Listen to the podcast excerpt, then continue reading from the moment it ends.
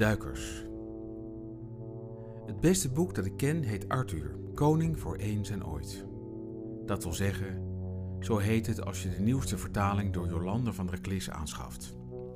Alles wat je over de wereld moet weten staat in dit boek. Het begint als een kinderboek. Ik begon het ook te lezen toen ik nog een jongen was, waarin Arthur door Merlijn in allerlei dieren wordt veranderd, bij wijze van voorbereiding op het koningschap. Daarna wordt het al snel ingewikkelder en grimmiger. En aan het einde van het vierde deel, als Arthurs heerschappij aan flarden wordt geschoten door zijn bastaardzoon en zijn tragische driehoeksverhouding met Lancelot en Guinevere breed is uitgemeten, is alle jongensachtigheid verdwenen, behalve in de onverwoestbaar vitale verteltrans. White schrijft: Ridders in volle wapenrusting waren te vergelijken met duikers. Afgezien van hun helmen en hun lode last en de problemen met hun ademhaling, moesten ze in hun pak gehesen worden door aardige en zorgvuldige helpers. En ze moesten er volledig op kunnen vertrouwen dat die helpers dat goed deden. Een duiker legt zijn leven in handen van de manschappen die hem aankleden.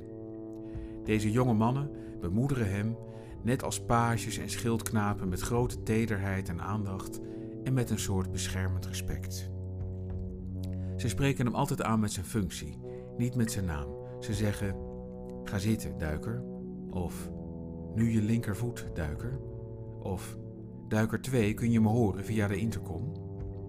Het is goed om je leven toe te vertrouwen aan anderen. In de inleiding van de nieuwe vertaling las ik dat T.H. White zich, om deze regels te kunnen schrijven, in 1955 zelf in een loodzwaar duikerspak heeft laten hijsen. Omdat hij te groot was om in een authentiek harnas te passen, maar zich wel wilde kunnen inleven in een ridder. Naar verluid stierf hij duizend doden. Ik denk dit jaar vaak aan die passage, want sinds maart zijn wij allemaal duikers en hun helpers. We hebben elkaars leven in handen.